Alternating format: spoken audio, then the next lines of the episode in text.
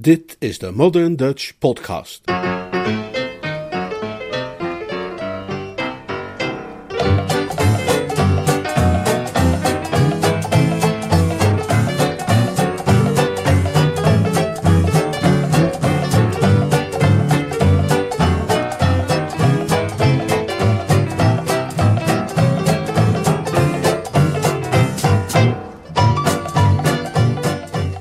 Graag gedaan. Roman van P.G. Woodhouse, Service with a Smile, in twaalf hoofdstukken. Vertaald en voorgelezen door Leonard Peug. Hoofdstuk 6 Naast andere observaties, te talrijk om hier op te sommen, heeft de dichter Dryden, 1631 tot 1700, ook ooit opgemerkt dat grote en machtige zaken soms groeien uit de nederigste kleinigheden. En ieder weldenkend mens zal graag willen bevestigen dat hij het met die stelling volledig bij het juiste eind had. Als er niet een vlieg zijn slaapkamer was binnengevlogen en rond zijn neus was gaan zoemen op de onbeschaamde wijze die vliegen eigen is, zou het onwaarschijnlijk geweest zijn dat Lord Emsworth de volgende ochtend om tien over half vijf wakker zou zijn geworden, want hij was een goede slaper, die zelden minder dan zijn acht uurtjes genoot. En als hij vervolgens niet wakker had gelegen zonder weer in te kunnen dutten, zou hij niet zijn gaan liggen piekeren over die verduvelde padvinders. En als hij niet was gaan liggen piekeren over die verduvelde padvinders, zou hij ook niet meer gedacht hebben aan het advies dat Lord Ickenham hem de dag daarvoor had gegeven. Onbetrouwbaar als zijn geheugen gewoonlijk mocht zijn, schoot het hem nu weer allemaal te binnen. Je moet stilletjes in de kleine uurtjes naar de vijver sluipen om de scheerlijnen van hun tent door te snijden, had Ickenham gezegd. En hoe langer hij erover nadacht, hoe meer hij ervan overtuigd raakte dat zulks inderdaad de manhaftige daad was die de situatie verlangde. Van die kerels als Ickenham, zei hij tegen zichzelf, zorgvuldige, bedachtzame mannen van de wereld, nemen geen overhaaste besluiten. Ze denken goed over de dingen na voordat ze tot een conclusie komen. En als ze je een advies geven hoe te handelen, dan weet je dat je een verstandige daad stelt wanneer je hun instructies opvolgt. Geen uurtje kon wel haast kleiner zijn dan het huidige, en in zijn bibliotheek, wist hij, lag een briefopener van een type waarmee edellieden in spannende romans altijd om het leven worden gebracht. En omdat hij twee dagen geleden zich er nog lelijk mee in zijn vinger had gesneden, twijfelde hij er niet aan of dit exemplaar geschikt was voor het doel dat hij voor ogen had. De omstandigheden konden, kortom, niet gunstiger zijn. Het enige wat hem nog weer hield, was de gedachte aan zijn zuster Constance. Niemand wist beter dan hij welke hoge standaard zij hanteerde als het ging om het gedrag van broers. En als het genadeloze daglicht de misdaad die hij overwoog straks aan een ieder tonen zou, zou zij ongetwijfeld van zich laten horen. Ze zou, schatte hij zo in, tenminste tienduizend woorden van beschuldiging en verwijt over hem uitstorten, toegediend in dagelijkse doses tot in lengte van jaren. In feite, zei hij tegen zichzelf, want hij hield van huiselijke formuleringen, zou ze er nooit meer over ophouden. Als Connie dit ooit ontdekt, dacht hij, terwijl een huivering hem doorvoer. Een stemmetje leek echter in zijn oor te fluisteren. Dat ontdekt ze nooit, zei dat stemmetje, en hij voelde zich weer sterk. Vervuld van de geest van de kruisvaarders, die ook zijn voorvaderen had geïnspireerd, die zich zo ferm hadden gedragen bij het beleg van Akko en de slag van Joppe, stond hij op en kleedde zich aan. Als het aantrekken van een oude trui en een flanellen broek met gaten in de knieën aankleden genoemd mag worden. Toen hij de bibliotheek binnenging, was zijn stemming zonder meer die van de verre voorvaderen die hun strijdbijlen hadden geslepen en zich opgemaakt voor de strijd tegen de heidenen. Toen hij de bibliotheek weer uitliep, zwaaide hij zijn briefopener zoals eens koning Arthur had gedaan met zijn zwaard Excalibur. Een plotseling hol gevoel in zijn binnenste herinnerde hem rechter aan dat hij zijn ochtendthee nog niet gedronken had. Verstrooid als hij was, besefte hij toch dat hij dat kon verhelpen door nog even langs de keuken te gaan. Dat was niet een gedeelte van het kasteel dat hij in de laatste jaren had bezocht, maar als kind had hij er voortdurend in en uitgelopen, In wanneer hij trek had in cake en uit wanneer de keukenmeid hem had betrapt. En nog altijd wist hij gemakkelijk zijn weg daarheen te vinden. In het volste vertrouwen op een goede afloop, want hoewel hij zijn beperkingen kende, dacht hij wel een ketel water te kunnen koken, deed hij de vertrouwde deur open en ging naar binnen. Onaangenaam verrast daar zijn kleinzoon George aan te treffen, die gebakken eieren met spek zat te eten. Oh, hallo, grootpapa, zei George met een wat dikke stem, want hij had zijn mond vol. Uh, uh, George, zei Lord Emsworth, eveneens met dikke stem, maar om een andere reden. Uh, jij bent uh, ook vroeg op, zeg. George zei dat hij ervan hield om vroeg op te staan. Op die manier kreeg je twee keer ontbijt. Hij was op een leeftijd waarop de maag graag alles hebben wil dat het krijgen kan. Maar waarom bent u zo vroeg op, grootpapa? Uh, nou ja, uh, kijk, ik, uh, ik, ik, kon niet meer slapen. Hè. Zal ik zal, zal een ei voor u bakken? Nee, nee dank, dank, dank je wel, zeg ik. Ik denk dat ik maar even een, een wandelingetje ga maken. Het is zo lekker helder en, weet je, fris buiten, hè? Hm, hm. Tot ziens, George. Tot ziens, grootpapa. E-, even, even, even een wandelingetje. Zei Lord Emsworth nog maar eens om misverstanden te voorkomen. En kneep er licht geschrokken tussenuit.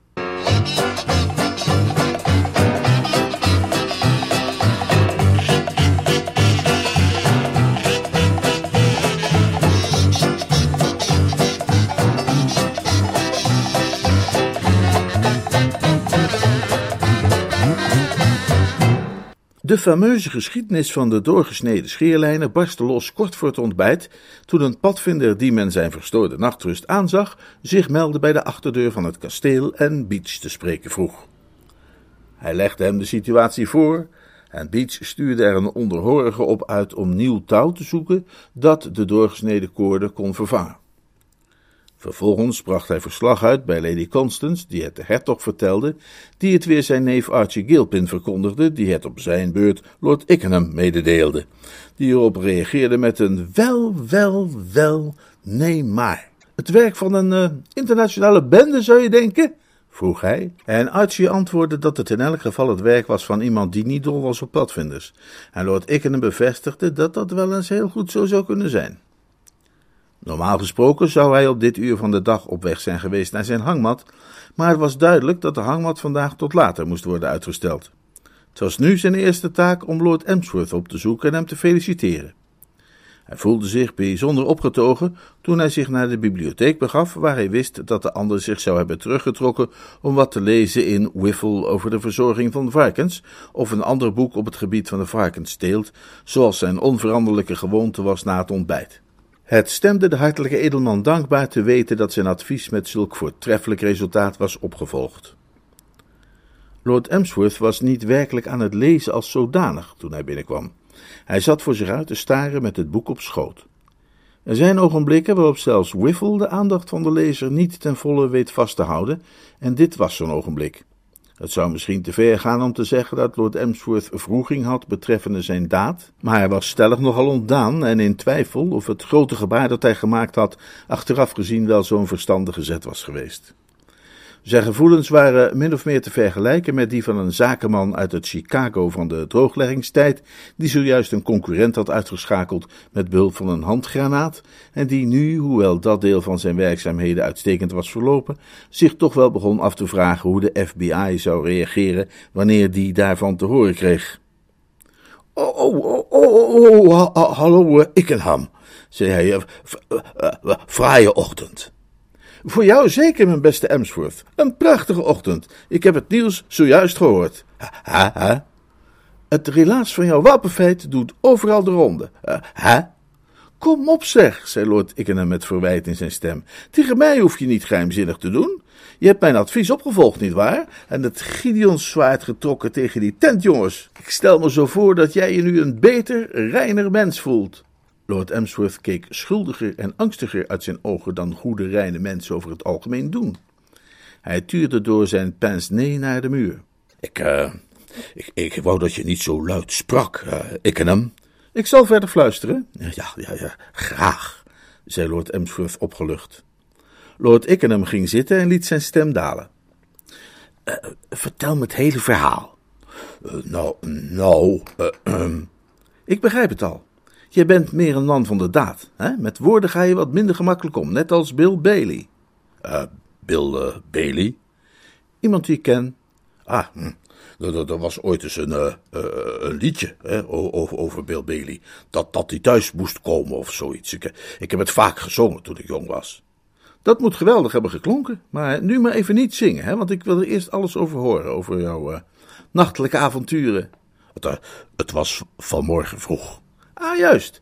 Dat was de tijd die ik had aanbevolen, toch?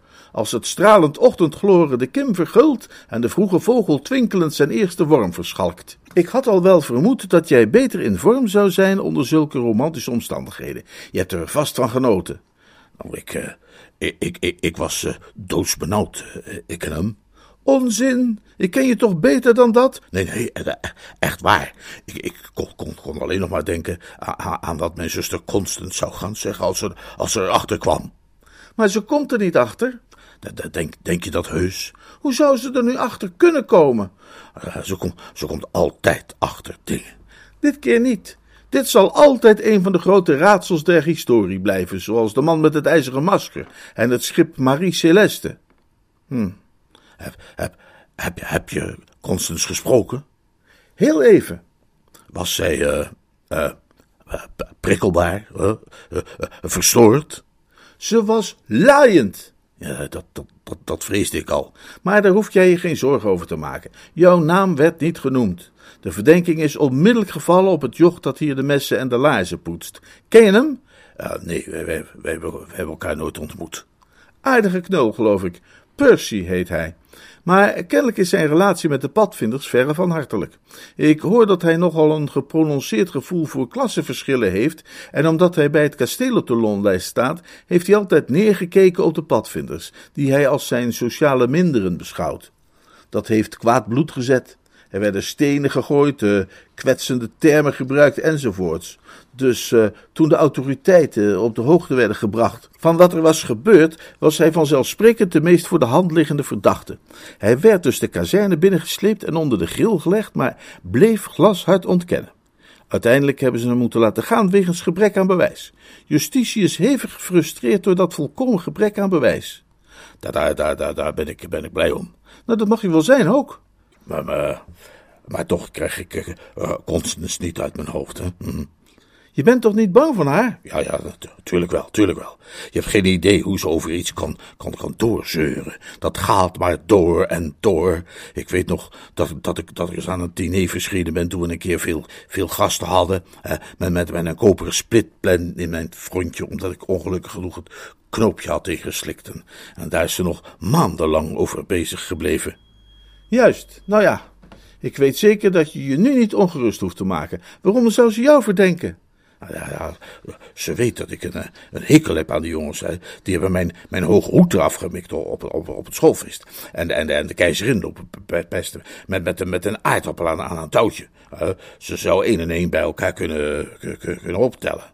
Wel, nee, daar is geen kans van, zei Lord Ickenham hartelijk. Ik weet zeker dat jij je geen zorgen hoeft te maken. Maar als ze toch gaat zeuren, doe dan net als de onverzaagde Percy en blijf glashard ontkennen. Als primordiale tactiek is dat niet te overtreffen. Blijf jezelf voorhouden dat ze met verdenking alleen geen stap verder komt. Ze moet bewijzen hebben. En ze weet maar al te goed dat er in deze zaak geen enkel bewijs is waar ze bij een officier van justitie mee aan kan komen. Als ze je aanhoudt en een verklaring wil laten afleggen, kijk haar dan regelrecht aan en blijf zeggen: Oh ja, dacht je dat? En wie zegt dat dan? In het vertrouwen dat ze je geen moer kan maken. En als ze geintjes probeert uit te halen met een rubberen slang, bel je je advocaat. Maar nu moet ik er vandoor, want mijn hangmat wacht op me. Alleen achtergebleven bleek Lord Emsworth, hoewel hij zich aanzienlijk gesterkt voelde door deze inspirerende woorden, toch nog niet in staat om het lezen in Wiffle over de verzorging van varkens te hervatten. Hij zat voor zich uit te staren en ging dermate op in zijn overpeinzingen dat een klop op de deur hem geschrokken deed opspringen van zijn stoel, rillend tot in alle ledematen. Uh, uh, uh, binnen, zei hij huiverend, hoewel zijn verstand hem zei dat dit onmogelijk zijn zuster Constance kon zijn, om hem een verklaring te laten afleggen, want Connie zou niet hebben geklopt. Het was Lavender Briggs die binnenkwam. Hoewel hij te nerveus was om dat op te merken, was er een ongebruikelijke levendigheid in haar houding, veroorzaakt door het feit dat de hertog haar de avond tevoren na het diner een cheque had overhandigd voor 500 pond en zij van plan was de komende avond naar Londen te gaan om dat te vieren. Er zijn weinig dingen die de pas van een jonge vrouw zozeer kwiekheid verlenen als de wetenschap dat er in het tasje dat aan haar rechterhand bengelt zich een cheque bevindt voor dat bedrag. Lavender Briggs sprong niet echt op gelijk de hoge heuvelen, maar het scheelde uiterst weinig. Onderweg naar de bibliotheek had ze een muzikaal fragment geneuried uit het oeuvre van een der avant-garde-componisten en voorlopig plannen gesmeed voor het secretaressebureau waarvoor ze thans over een aanvangskapitaal beschikte. Haar vooruitzichten waren stralend, was haar idee. Uit de losse pols wist zij binnen haar eigen vriendenkring al zo al minstens tien dichters op te sommen en net zoveel satirische essayisten die altijd bezig waren iets te schrijven dat tenslotte ook uitgetikt zou moeten worden. Als ze haar tarieven de eerste maand of zo een beetje vriendelijk zou houden, zouden al die Aubreys en Lionels en Lucians en Eustaces zich naar haar bureau haasten en daarna, want goed werk maakt reclame voor zichzelf, de hele goede gemeente. Elke zichzelf respecterende man in heel Engeland wist ze, om maar te zwijgen van elke zichzelf respecterende vrouw, werkte aan een roman en zou uiteindelijk één origineel en twee doorslagen nodig hebben. Het was zodoende met iets dat bijna op vrolijkheid leek, dat zij Lord Emsworth aansprak. Oh, Lord Emsworth, neem me niet kwalijk dat ik u stoor, maar Lady Constance heeft me vanavond vrijgegeven om naar Londen te gaan. Ik vroeg mij af of ik iets voor u zou kunnen doen wanneer ik daar ben. Lord Emsworth bedankte haar en zei nee, hij wist niets te bedenken en ze vertrok, hem overlatend aan zijn gedachten. Hij voelde zich nog altijd wat slapjes en vroeg zich voor de honderdste keer af of het advies van zijn vriend Ickenham over glashuid ontkennen wel of niet een goed advies was en tot een gelukkige afloop zou leiden, toen een tweede klop op de deur hem opnieuw geschrokken uit zijn stoel deed opspringen. Deze keer was het Bill Bailey. Zou ik u misschien een ogenblikje kunnen spreken, Lord Emsworth? Vroeg Bill.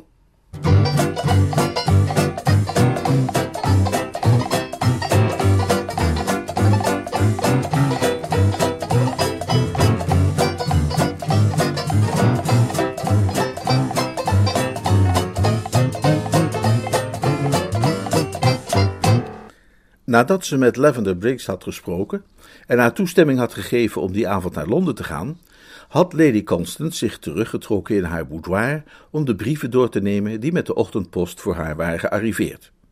Een daarvan was afkomstig van haar vriend James Shoemaker in New York, en ze was juist die brief aan het lezen met het genoegen dat diens brieven haar altijd schonken, toen van de gang buiten haar kamer het geluid kwam van een geweldige gedreven wind en Lord Emsworth over de drempel naar binnen stormde. Ze stond juist op het punt een verwijtend Oh, Clarence te uiten, haar gewoonlijke formulering om hem op zijn plaats te zetten, toen ze zijn gezicht zag. De woorden bevroren haar op de lippen. Hij was licht mauve van kleur en zijn anders altijd zo milde ogen glommen achter zijn pince nee. Een enkele blik leerde haar dat hij in een van zijn zeldzame regelrechte amokbuien was. Deze kwamen misschien tweemaal per kalenderjaar voor, en zelfs zij, toch een typisch voorbeeld van een sterke vrouw, neigde er dan toch altijd ernstig toe om terug te deinzen, want bij die gelegenheden was hij niet langer de menselijke deurmat die met een Oh Clarence getemd kon worden, maar ontwikkelde hij zich meer tot iets met de eigenschappen van zo'n machtige stormwind die af en toe de staat Kansas overvalt en de inwoners daar in hoog tempo naar hun schuilkelders jaagt om te wachten tot de tornado voorbij is. Wanneer de onderdrukten in opstand komen tegen hun oppressor, is hun furiositeit altijd ontzagwekkend. Aan de Franse Revolutie viel dat bijvoorbeeld goed te zien. Maar waar, waar, waar is dat verdomde mens van, van, van Briggs? Vroeg hij snauwend, waarbij hij de woorden afbeet alsof hij een ware heersersnatuur bezat en niet een held op sokken was die normaal gesproken in zijn mand kroop zodra de secretaresse ook maar een blik op hem wierp. Heb, heb, heb, heb jij die, die, die Troela ergens gezien, Constance? Ik heb haar overal gezocht. Op andere momenten zou Lady Constance dergelijk lakstaalgebruik onmiddellijk en meedogenloos hebben bekritiseerd, maar ze wist uit ervaring dat het beter was de stem van het gezag te laten zwijgen totdat zijn krijgzuchtige bui was uitgeraasd. Ik heb haar toestemming gegeven vanavond naar Londen te gaan, zei ze bijna deemoedig. Dat, dat, dat, dat is waar ook, zei Lord Emsworth. Hij was dat vergeten, zoals hij de meeste dingen vergat. Uh, uh, ik ga naar Londen, zei ze. Ja, ja, ja, nu, nu weet ik het weer. Waar had je haar voor nodig? Lord Emsworth, die er tekenen van had vertoond dat hij aan het afkoelen was, kwam weer geheel aan de kook. Zijn pince vloog van zijn neus en bleef aan het eind van zijn lint bungelen, zoals gewoonlijk wanneer de negende graaf sterk bewogen was. Oh, oh, om haar te ontslaan. Wat? Ze blijft hier geen, geen dag langer. En, en, heb ik ook al ontslagen. Het zou wat te grof zijn uitgedrukt wanneer ik zei dat Lady Constance blate, maar het geluid dat ze voortbracht deed beslist sterk denken aan een uitlating van een sterk gespannen schaap dat vreed gestoord wordt tijdens haar lunch in het weiland. Zij behoorde niet tot de warmste bewonderaars van George Sir Wellbeloved, maar ze wist wel hoezeer haar broer diensten op prijs stelde, en ze kon eigenlijk niet geloven dat hij daar vrijwillig afstand van had gedaan. Het was alsof zijzelf Beach, die onvergelijkelijke butler, aan de kant zou hebben gezet. Ze kromp wat dieper weg in haar stoel. Ze kreeg de indruk dat deze man met zijn wilde ogen in berserkerswoede was ontstoken en compleet losgeslagen, en de omineuze woorden schoten haar te binnen die de hertog de middag daarvoor tegen haar had gesproken. Zo geschift als een ui, had hij gezegd, al aardig in het stadium dat ze gaan raaskallen. Die kan elk moment gevaarlijk worden. Het was beslist niet denkbeeldig dat dat moment nu inderdaad gekomen was. My Clarence, riep ze uit, en Lord Emsworth, die juist zijn pince had teruggevonden, zwaaide ermee naar haar als een Ritarius in het Colosseum die op het punt stond zijn net te werpen.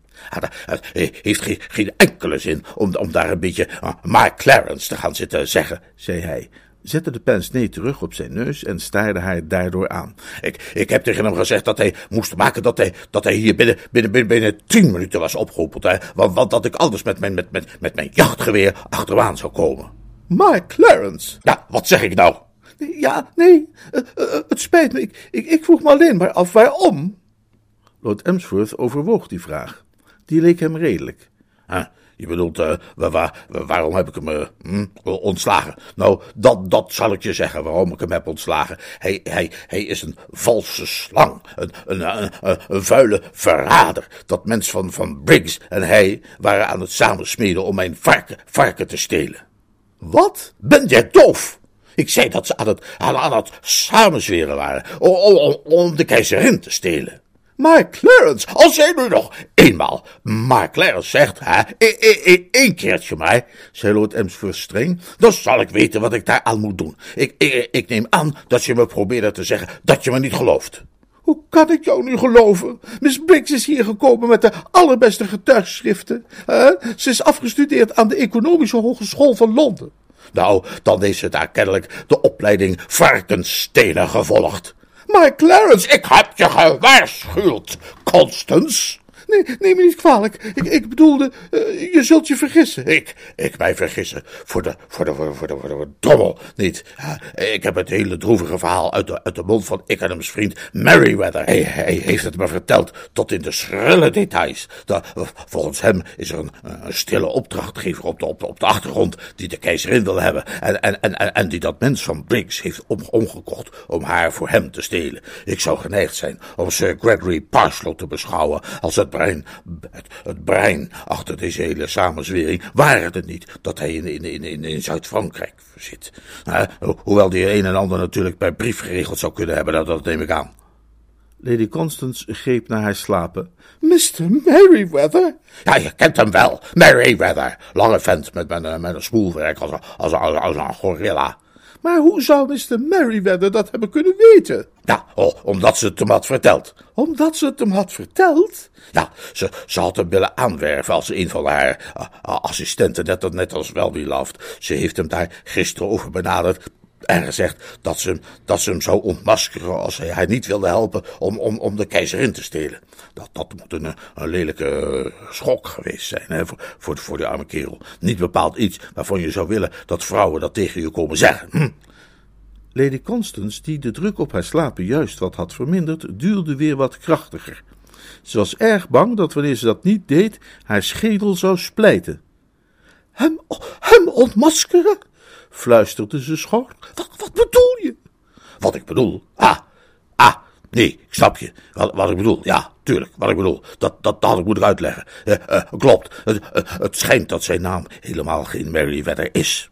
Het is iets anders, uh, dat ik dat nu even vergeten ben. Uh, niet dat het er erg toe doet. Dat, het punt is dat dat mens van Briggs op de een of andere manier heeft uitgevonden dat hij hier, hier, hier verbleef onder een alias, zoals geloof ik de, de, de uitdrukking uh, luidt. En, en dat ze hem daarmee bedreigde.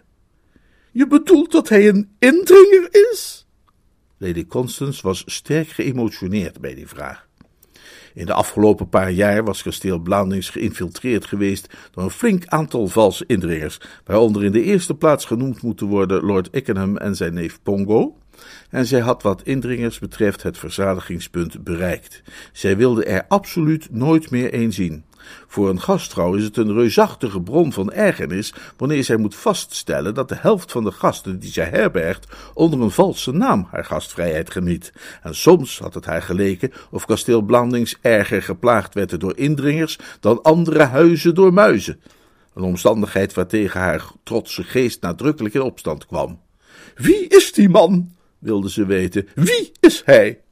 Uh, ja, kijk, ja, dat uh, zou, zou ik je nu even niet uh, kunnen zeggen, zei Lord Emsworth. Hij heeft, heeft er wel verteld, maar, maar je, je, je, kent mijn geheugen. Ik, ik, ik, weet alleen nog dat, dat hij zei dat hij een, hoe heet het, een, een hulppredikant was. Lady Constance was opgesprongen van haar stoel en staarde hem aan alsof hij in plaats van haar oudere broer het spook van kasteel Blandings was, een geharnaste ridder die zijn hoofd onder zijn arm droeg, van wie gewoonlijk werd aangenomen dat hij zich manifesteerde altijd wanneer er een sterfgeval ging plaatsvinden in de familie. Sinds het moment dat ze ontdekt had dat Myra Shoemaker een relatie was aangegaan met de eerwaarde Cuthbert Bailey, voelde zij zich heftig verontrust telkens wanneer er in enige omstandigheid sprake was van een hulppredikant. Wat? Wat zei je daar? Uh, wanneer? Zei je nou dat hij een hulppredikant was? Uh, wie? Die vriend van Lord Eckenham, Mr. Merryweather. Oh, ah, ja, nee, inderdaad, ja, Mr. Merryweather, uh, precies. Lord Emsworth woede was uitgeraasd en hij was nu weer zijn oude, beminnelijke en nogal babbelige, of zoals sommigen dat liever noemden, raaskallende zelf. Ja, ja, nee, ja, dat, in, inderdaad, ja, dat een, een, een, een. Hij uh, ziet er niet zo uit, maar, maar, maar, maar is het toch. Hm? Dat is ook waarom hij niet mee wilde doen aan het ontvoeren van mijn varken. Al, al, als geestelijke kon hij dat dan niet met zijn geweten overeenkomen. Ik, ik, ik moet zeggen dat, het, dat ik het bijzonder grootmoedig van hem vind uh, dat hij mij kwam waarschuwen voor die smerige samenzwering van dat mens van Briggs, terwijl hij wist dat het betekende dat zij hem zou ontmaskeren en jij daar verschrikkelijk over tekeer zou gaan. Maar hij zei dat hij nu eenmaal zijn, uh, gewetensbezwaren had en daarom niet kon zwijgen bijzonder sympathieke jongen hoor. Heel betrouwbaar op het punt van, van, van varkens, als mij vraagt. Vreemd hoor, want ik wist niet dat ze in Brazilië ook, uh, ook, ook, varkens hadden. Hè? Dan wel hulppredikanten trouwens. Uh, uh, tussen haakjes, zijn naam is me weer te binnen geschoten. Bailey heet hij. Bailey. Je, je moet het wel even goed aan elkaar houden, hè? want anders raak je in de. Hij heeft dus twee namen. Hè? Dus, een foute hè? En, en, een goede. Zijn, zijn, zijn, zijn foute naam. Zijn, zijn foute naam is Meriwether en zijn, zijn goede naam Bailey. Lady Constance had een woordeloze kreet geslaakt. Ze had het kunnen weten, besefte ze bitter.